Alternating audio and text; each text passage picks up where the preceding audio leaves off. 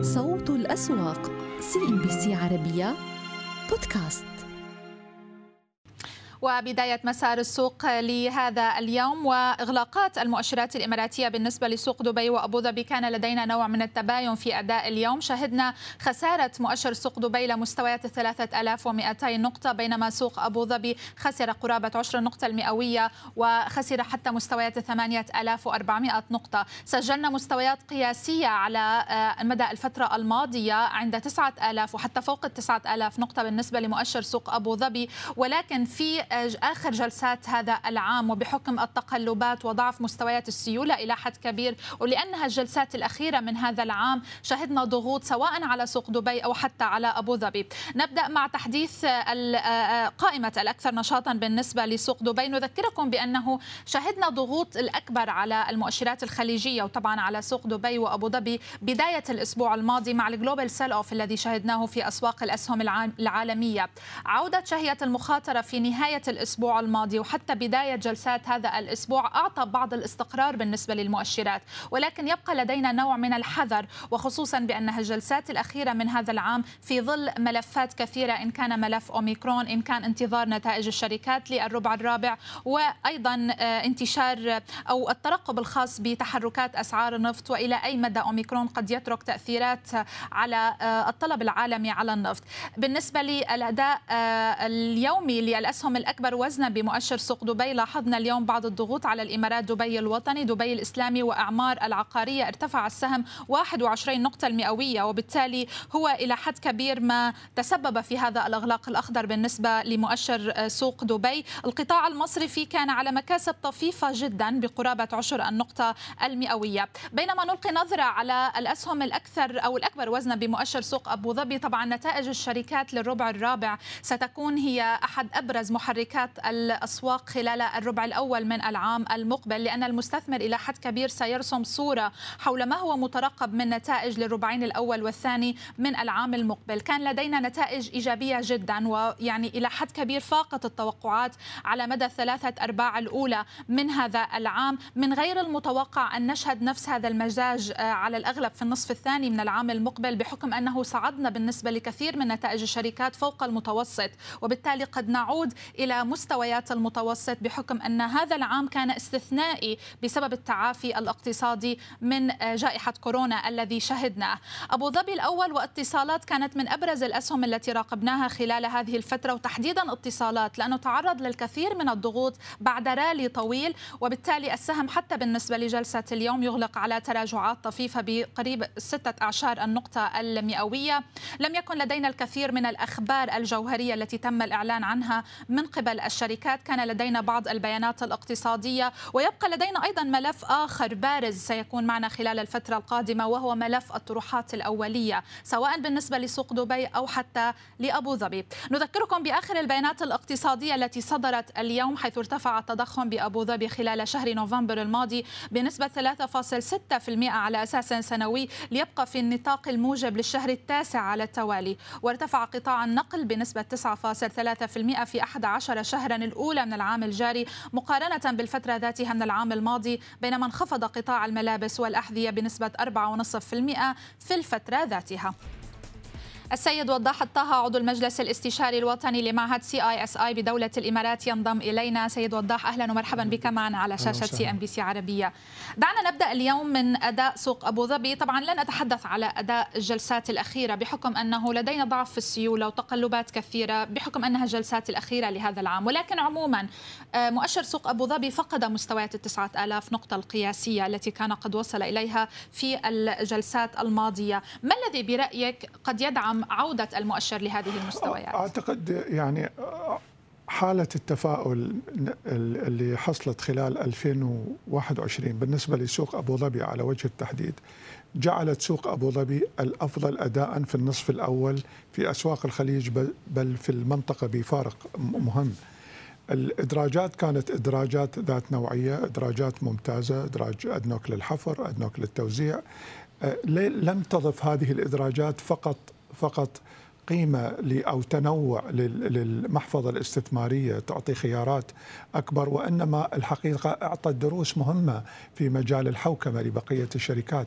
شركات أعطت توزيعات مستقبلية محتملة. أصبح عند يعني نوع من الثقافة الاستثمارية لدى أو حوكميه لدى المستثمرين أنه السنة القادمة من الممكن أنه 75% من ربحية السهم يتم توزيعها اصبحت أصبحت نموذج محترم. فبالتالي أعتقد سوق أبو ظبي هذا الاندفاع شركات أخرى كبيرة مثل العالمية القابضة في أبو ظبي أدت إلى هذا الاندفاع أدى إلى ارتفاع مكررات الربحية وبالتالي عملية التهدئة عمليات البيع هي مقترنة بارتفاع المكررات وأيضا مقترنة بالفترة الزمنية م. يعني بعض مدراء المحافظ يميل إلى التسهيل لتحويل الأرباح من غير غير unrealized يعني غير, غير محققة. متحققة إلى محققة تصير realized profit للكشوفات المالية تكون آه. تكون جزء من الأرباح المحققة في نهاية العام يرجع يشتري لاحقا ما دام السوق بشكل عام يعتبر إيجابي مع توقعنا بوجود إدراجات آه، آه، قادمة. فليس لدي قلق وحتى معدلات التداول الحالية. في تدوير في السوق على بعض الأسهم لكن معدل معدلات السيولة لحد الآن غير مقلقة. أعتقد هذه فترة ونرجع مرة ثانية نشوف نشاط ربما على بداية العام. طيب سأعود للحديث معك على موضوع التقييمات وتحديدا حتى بالنسبة للطروحات الجديدة التي شهدناها بسوق أبو ظبي. ولكن قبل ذلك آه، إلى أي مدى ترى بأن أسعار النفط آه، كانت تؤثر على معنويات المستثمر وتحديدا المستثمر بسوق أبو ظبي؟ لأنه لديه حساسية تجاه تحركات أسعار النفط أكثر صح. من سوق دبي. صحيح المستثمر في أبو ظبي والمستثمر في السوق السعودي. تمام. كلا كلا السوقين معامل الارتباط آه، بينهما في دراسة حصل عملناها مع مع سي ام بي سي صح. فالأسبوعين الماضيين أعتقد. أظهرت أنه معامل الارتباط بين بين حركة النفط والمؤشر قوية جدا يعني 0.0 من 1% إيجابي. فوجود وجود هذا الارتباط خصوصا في السوق السعودي في سوق أبو ظبي كما ذكرت. حتى في سوق دبي إلى شوية أقل يعني لكن لكن هذين السوقين يتأثران بقوة كبيرة.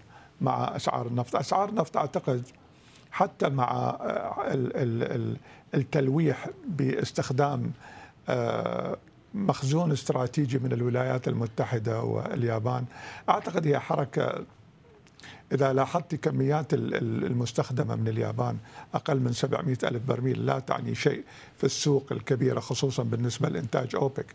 آه، أتصور أتصور أنه سياسة أوبك أوبك سوف الاجتماع القادم سوف تبقي على برنامجها ال 400 ألف الزيادة كل كل دورة 400 ألف آه، كل شهر 400 ألف برميل. ولن لن يتغير. الأسعار الحالية غير مقلقة.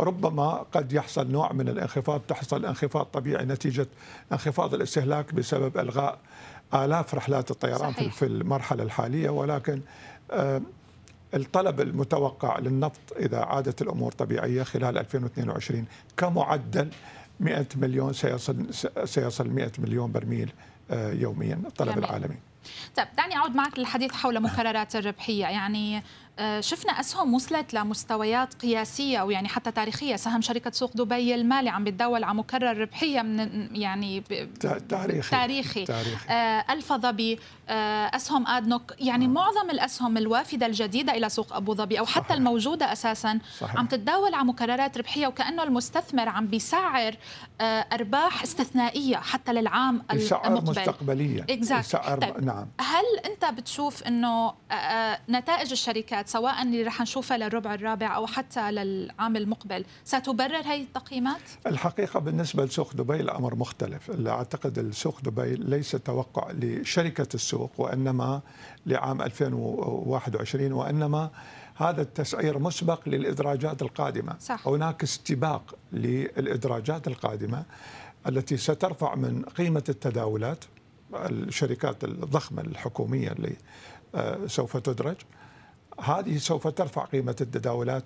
معظم معظم إيرادات معظم إيرادات سوق دبي المالي من الكوميشن من العمولة. فإذا زادت الإدراجات زادت التداولات زادت العمولة وبالتالي يأثر هذا على سعر السهم. بقية الأسهم الأخرى موضوع آخر.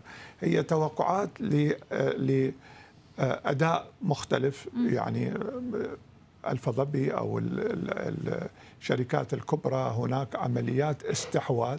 عمليات الاستحواذ تدعم ربحية الشركة. يعني هناك ربحية الشركة الحالية عمليات الاستحواذ أيضا سوف تضيف ربحية مستقبلية على على الأداء الحالي. الأمر الذي متوقع من المتوقع أن يؤدي إلى مكررات الربحية العالية. مع الأرباح قد تخفض من مكرر الربحية بعد آه، بعد النتائج. طيب آه، بالنسبة للطروحات الجديدة التي سنشهدها بالنسبة لسوق دبي المالي نتحدث عن عشر شركات ما بين حكومية أو حتى آه، شبه حكومية. هل تتخوف بأن التقييمات ستكون أيضا آه، بنفس الوتيرة بأن المستثمر رح يسعر نتائج استثنائية وأرباح استثنائية من هذه الشركات؟ يعني أنا لو الآن لو أنا فكرت كمستثمر عقلية مستثمر اعتيادي أنا أميل إلى أنه أولا تكون هناك فترة بين فترة وفترة. وأتمنى أن يكون الشرائح الاستثمارية تأخذ بنظر الاعتبار حتى يكون الهدف في طرح في سوق نامي ذو هدف اقتصادي اجتماعي أن تكون هناك بعض الحصص مخصصة لذوي الهمم مخصصة لذوي الشهداء مخصصة لمتقاعدين حصص حتى لو حصص طفيفة ولكن يعطي رؤية يعكس رؤية حقيقية لهذه الفئات. النقطة الأهم أنه مسألة التقييم بطريقة البوك بيلدينج إحنا بعد ما يعني قانون ال ال الشركات أعطى صلاحية هذا الموضوع لهيئة الأوراق المالية، قانون رقم 2 لعام 2015 صلاحية هذا الموضوع، إحنا كنا كان كان الموضوع فقط تحديد واكتتاب فكانت في دراسات من صندوق النقد الدولي قبل 2005 2004 كان في اليوم الأول العوائد المتحققة أكثر من 1400% غير غير منطقي.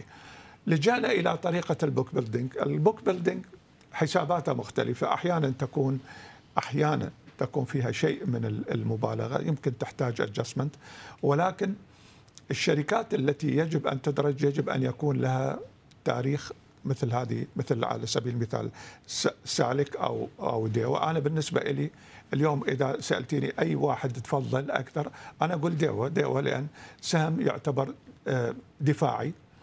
تاريخه معروف أرباحه معروفة اداءه معروف اداءه مستقر وإضافة ومنه سيكليكال يعني و... ما بيتأثر بالدوره الاقتصادية هذا هو سهم آمن آه، هذا اللي قلنا وإضافته للمحافظ مهمة كسهم يخفض التقلبات تبع المحفظة يعني مثل ال equalizer أو م. مثل ال defensive stock هو يعني صح.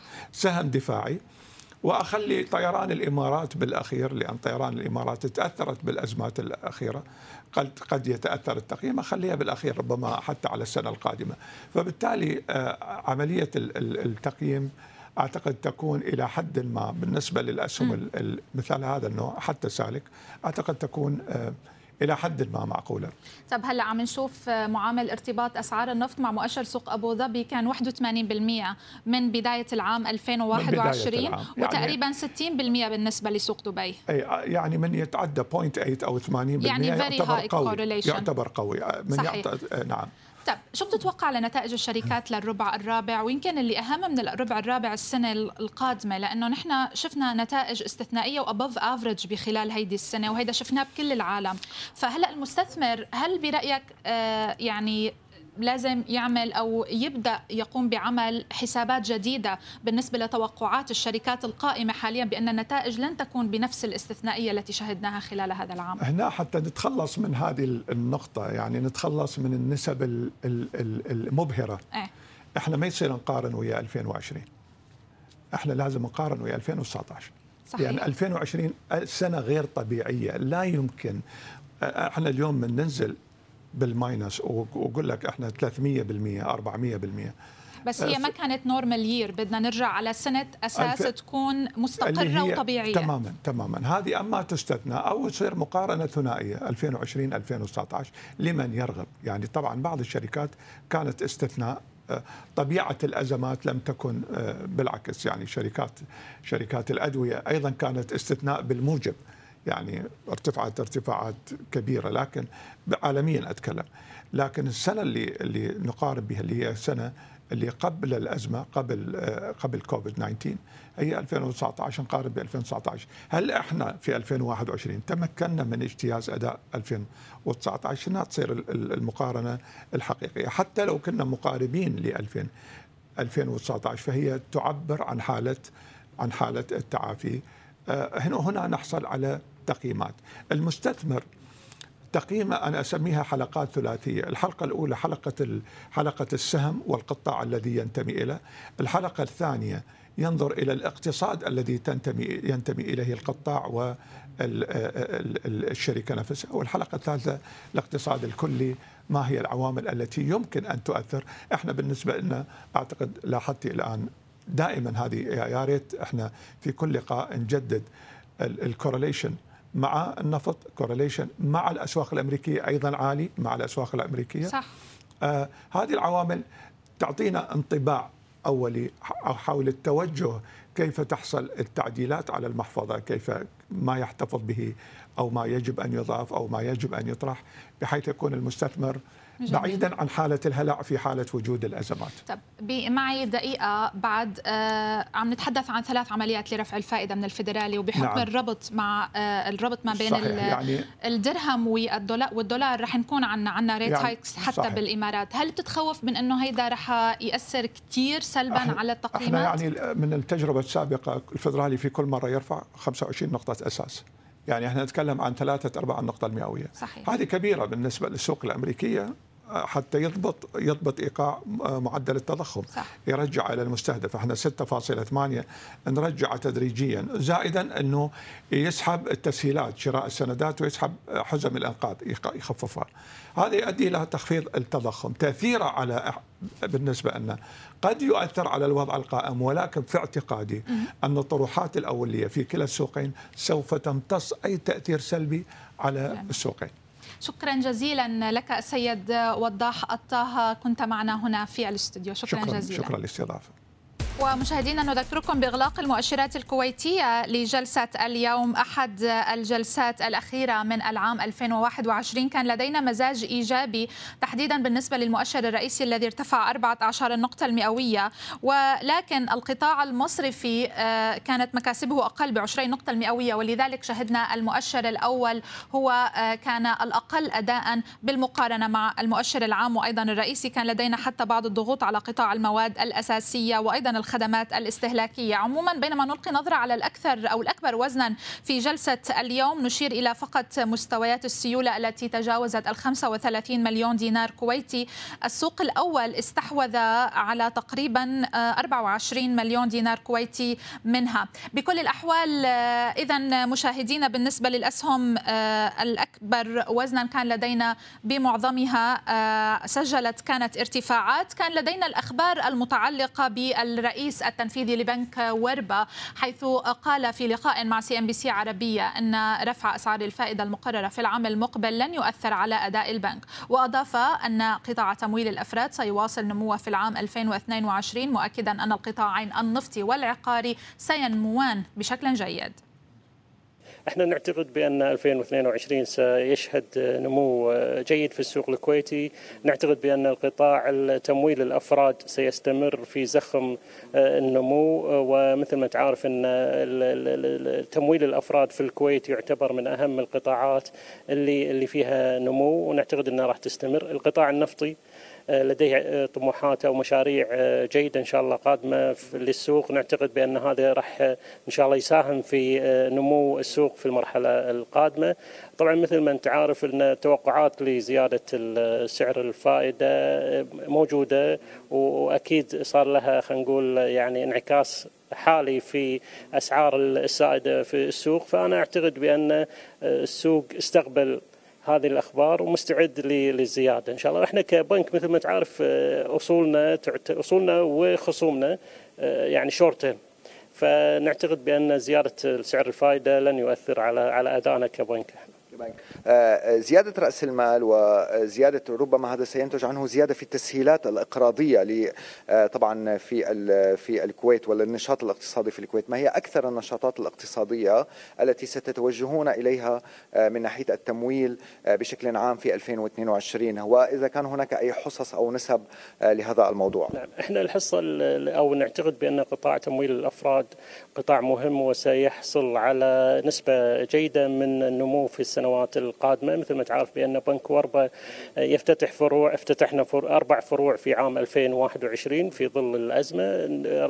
لدينا خطة أن نفتتح فرعين إن شاء الله في 2022 هذا راح يعطينا زخم الستة أفرع الجديدة راح تعطينا زخم للنمو في قطاع تمويل الأفراد. بالإضافة إلى القطاع النفطي نعتقد بأن هناك مشاريع قادمة إن شاء الله. هم كذلك راح تساعد في هذا النمو. فنعتقد والقطاع العقاري مثل ما تعرف القطاع العقاري في الكويت من أنشط القطاعات آه، في السوق. فنعتقد بأن القطاع العقاري سيستمر في النمو وراح ينمو إن شاء الله السنة القادمة.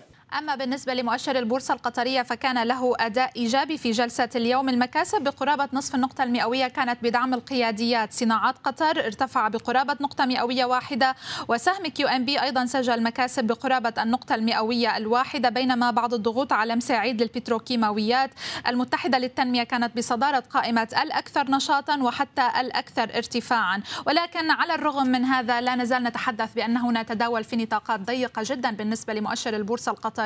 وهذا ما شهدناه على مدى الجلسات الماضية. صوت الأسواق سي ام بي سي عربية بودكاست.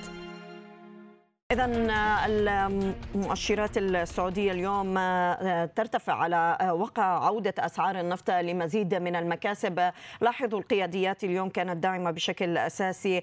آه، سهم الراجحي اليوم فوق مستوى 143 ريال بأكثر من 2.8 النقطة المئوية. سابق عم بحقق مكاسب ل 117 ريال ويضيف أكثر من 1.17 النقطة المئوية. التحركات كانت على القطاع البنكي وارتفع معها البنك الأهلي التجاري أيضا. ل 64 ريال 20 هللة مضيف قرابة 17 النقطة المئوية. جبل عمر بقرابة الواحد وثلاث أرباع النقطة المئوية. أما أرامكو السعودية عم بحقق مزيد من الارتفاعات تقارب 17 النقطة المئوية. باقي القياديات اليوم بالسوق لاحظنا سهم اتصالات يعود لبعض آه، الارتفاعات. أيضا ل 111 ريال 60 هللة عم يضيف قرابة 1.16 النقطة المئوية. صفولة على تراجع بنك الرياض على مكاسب والسعودي الفرنسي الفرنسي أما سهم الإنماء يصعد بقرابة الواحد وثلاث أعشار النقطة المئوية. طبعا كان ملفت اليوم هو عملية الارتفاعات التي شهدناها على سهم أميانتيت. طبعا عم نوضح أنه آه، يمكن أميانتيت أولى الشركات التي بدأت بالإعلان عن استخدام معيار محاسبي آه، جديد بالنسبة لإعادة التقييم لقياس العقارات والعقارات الاستثمارية. الشركة ذكرت بأنه سيتم زيادة آه، في صافي الأصول بعد عملية تطبيق هذا المعيار المحاسبي يقترب من 389 مليون و700 ألف ريال. السهم عم بحقق أعلى مستوياته اليوم بمكاسب تفوق 3 و7 أعشار النقطة المئوية. إحنا عم نتحدث قرابة يعني إذا ما بدأت الشركات العقارية اللي عم تمتلك محفظة عقارية تعيد تقييم هذا المعيار المحاسبي. لدينا قرابة ال 64 شركة مدرجة بالسوق قد تستفيد لاحقا من هذا المعيار. وطبعا الذي سيكون عليه تأثير على القيمة الدفترية بالنسبة للعديد من الأسهم إذا الصورة هنا أصبحت يعني عم تبتدئها أميانتيت بعملية تطبيق معيار محاسبي جديد مع بداية عام 2022 وينضم إلينا عبر الهاتف للحديث أكثر حول إغلاقات السوق السعودي. سيد ناصر القرعاوي رئيس المركز السعودي للدراسات والبحوث. سيد ناصر أهلا بك معنا. يعني جلستين عم تفصلنا قبل نهاية هذا العام. رأينا ارتداد آه، بالنسبة لأسعار النفط عززت من هذا الصعود للمؤشر. اخترق ل 11300 نقطة. آه، برأيك هذا الارتداد هل هو ارتداد تجميلي ممكن نعتبره بالنسبة للسوق أم هو ارتداد حقيقي وارتفاعات حقيقية؟ الحقيقية قبل نهاية العام. شكرا أخت ميساء ما في شك أن هناك آه، أسباب آه، منطقية ولا أعتقد أن السوق سيذهب وراء أسباب غير حقيقية لأنه السوق المالية السعودية هي أكبر سوق في المنطقة. فبالتالي القرار فيها يأتي بناء على معطيات أساسية فيما حدث في الأسابيع الماضية. كان هناك ارتداد سلبي نتيجة الارتفاعات التي تحققت للسوق لظروف معينة لكن هذه أيضا المضاربين لا السوق السعودية ليس فيها من المضاربين ما يؤثرون لأن عوامل السوق أو عوامل الاستثمار في السوق السعودية لانها سوق كبيرة جدا ولا يمكن لأي تكتل أو أي مستثمر مهما كان أن يؤثر على وضع السوق المالية. فبالتالي ما حدث في أمس واليوم هو شيء طبيعي واتصور أنه أيضا سيغلق السوق على يعني على ارتفاع نسبي يؤكد ما تحقق للسوق المالية في 2021 لأن هذه معطياتها البترول أيضا تحسنت اوضاعه الجائحة وأيضا ما حدث في العالم سيكون هناك انفراج نتيجة الضغوط التي مورست على الدول التي على حكوماتها مما تعاني مثل أوروبا لأن أيضا هذا هذه الجائحة وهذا التطور في المرض أدى إلى الخوف والخوف هو أكثر ما يؤثر في الأسواق المالية. لكن في السوق السعودية هي إلى حد ما بعيدة عن التأثير السلبي الكبير لأن هناك معززات. اسعار البترول ستتحسن. الوضع الاقتصادي السعودي اشير إلى انه سيحقق حوالي سبعة أكثر من 7% في العام القادم. إعلان الميزانية وهناك وفر وفائض فيها رغم أنه كان هناك من يقول أو يتحدث انه سيكون هناك عجز وهذا الأمر بالتأكيد. المملكة وضعها الاقتصادي قوي ومتانة الوضع المالي. النظام المصرفي في المملكة نظام متين وقوي وما توسع فيه من إقراض وصناديق الدولة التي أنشئت خلال الجائحة والمبالغ التي ضخت في القطاع الخاص. وشاهدنا في التقرير الأخير للشهر الماضي أنه الصادرات السعودية غير النفطية تجاوزت 132% بدليل على أن هناك نجاح حقيقي لتطورات الوضع الاقتصادي بشكل عام ومن ضمنها تطور الوضع المالي في السوق المالية. طيب إلى أي مدى أيضا يعني سنرى سيد ناصر القطاع العقاري بشكل واضح سينشط خلال المرحلة المقبلة، اليوم شايفين أميانتيت أولى الشركات اللي عم تعلن عن استخدام نموذج إعادة التقييم القياسي لعقاراتها والعقارات الاستثمارية ضمن معيار محاسبي جديد سيبدأ بالتطبيق ب 2022 يعني هل نتوقع كل الشركات التي لديها المحافظ العقاريه إنه تلجأ لهذا المعيار؟ المشكلة الإسكان في المملكة هي المشكلة الرئيسية أو الأولى في العشر سنوات أو الخمسة عشر سنة الماضية لأن نسبة النمو السكاني في المملكة فوق الثلاثة في المية كان ثلاثة وتسعة بالعشرة لكن نتيجة الظروف ونتيجة الوعي الاجتماعي في ما يتعلق برغبة الشباب أو الجيل الجيل الناشئ لا يحبذون كثرة الأبناء أكثر من ثلاثة إلى أربعة أطفال. بينما كان الجيل الذي يسبقهم كان يصل ما بين سبعة إلى تسعة أشخاص في للعائلة الواحدة. فبالتالي كان هناك أيضا جفاف فيما يتعلق ببعض مصادر الحصول على الأرض السكنية وأيضا صندوق العقاري. كان هناك أيضا توقف إلى حد كبير.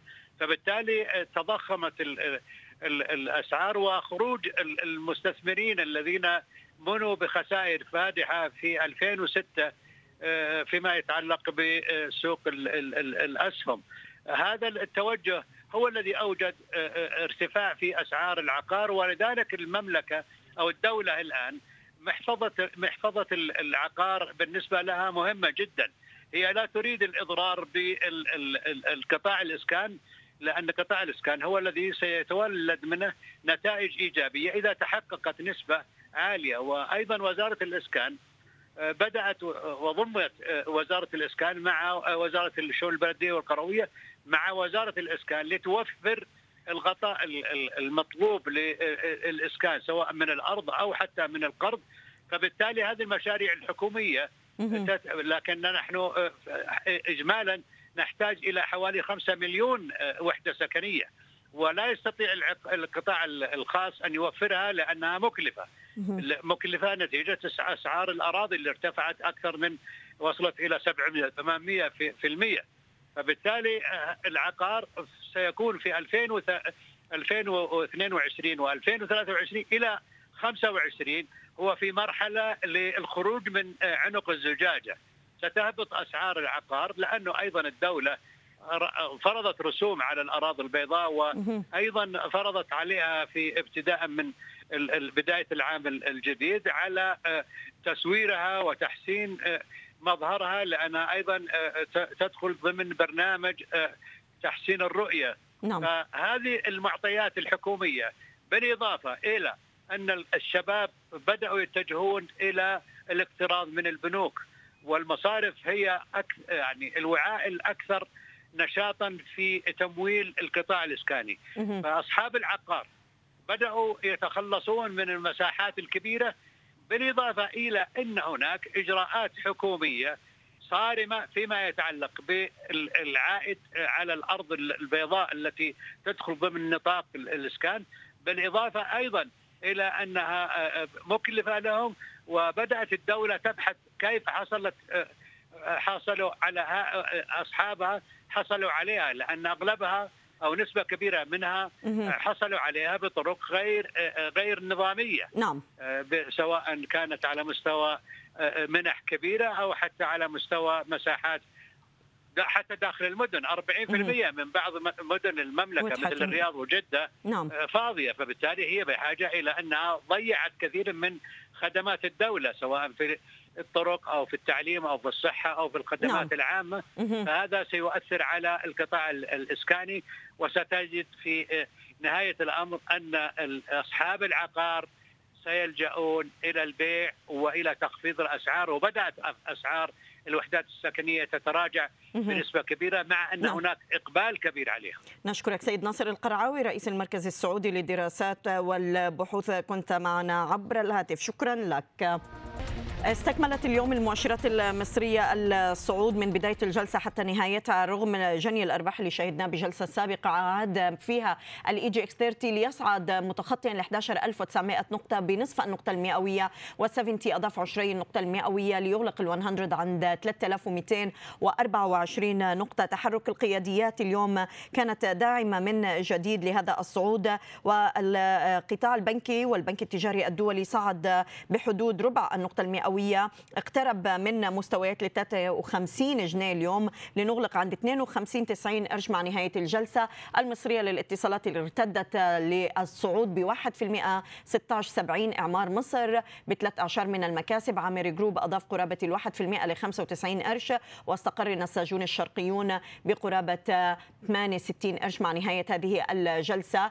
القطاع العقاري عاد ليتباين اليوم ورأينا سودك عم يخسر 8 أعشار النقطة المئوية. طلع طلعت مصطفى بنصف النقطة المئوية. هرمز عدلي يتراجع رغم ذلك بقي المؤشر القيادي على صعود عند 14.70 وأغلقنا الشرقية للدخان على ارتفاعات فقط الواحد ونصف النقطة المئوية. القطاع العقاري ما زال عم يعطي نوع من الدعم بالنسبة للمؤشر يمكن في نهاية هذا العام. ورغم الأخبار المتعلقة طبعا بمصر الجديدة اليوم اللي راقبنا طبعا وحسمت منافسة مشروع هليو بارك لصالح ماونتن فيو بقي سهم مصر الجديد اليوم عم يتداول على بعض التراجعات. دعونا نلقي نظرة على السهم مع إغلاقاته في تداولات اليوم.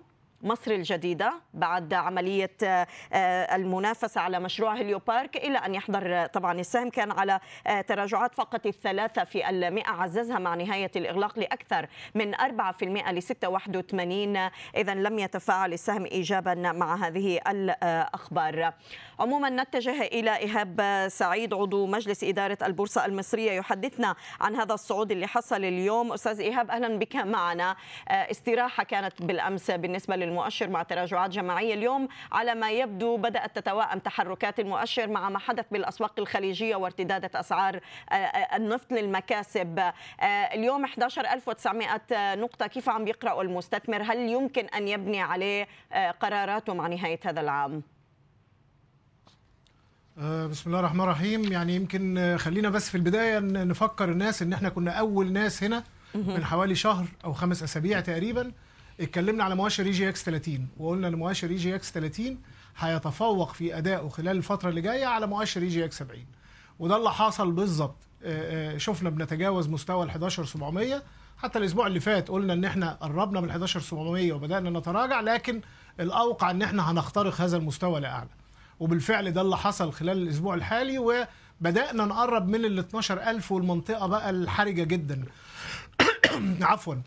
على اعتبار إن المنطقة دي بتتوافق مع مستويات مقاومة مهمة جدا في غالبية الأسهم القيادية. وهي دي تقريبا ال- المستويات اللي بدأت تتراجع منها بعض الأسهم يعني زي منطقة ال 15 ونص 16 في العز الحديد زي منطقة ال 9 جنيه في طلعت مصطفى 15 جنيه في المجموعة المالية هرمس. كل هذه و53 وربع 53 ونص من التجاري الدولي. كل هذه ال- الأسعار تقريبا هي اللي بتشكل مستوى ال 12000 إحنا من بداية أزمة الكورونا وإحنا بنتداول تحت هذا المستوى من مارس يمكن 2020 ومن ثم آه، تجاوز مستوى ال 12000 ده الأعلى هيفتح الطريق للمؤشر إن هو يبتدي يتحرك بشكل إيجابي ويتحول اتجاهه إلى اتجاه صاعد بعد فترة طويلة جدا من الحركة العرضية.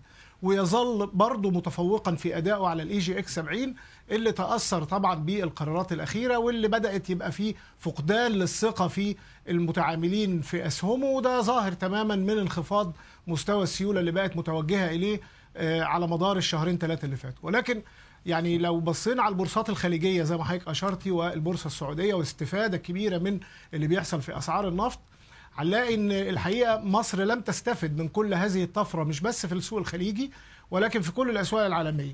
ال ال إحنا إحنا بالظبط هنبقى بناخد ال ال ال السلبي بس من هذا الصعود خلال الفترة اللي جاية في ارتفاع معدلات التضخم.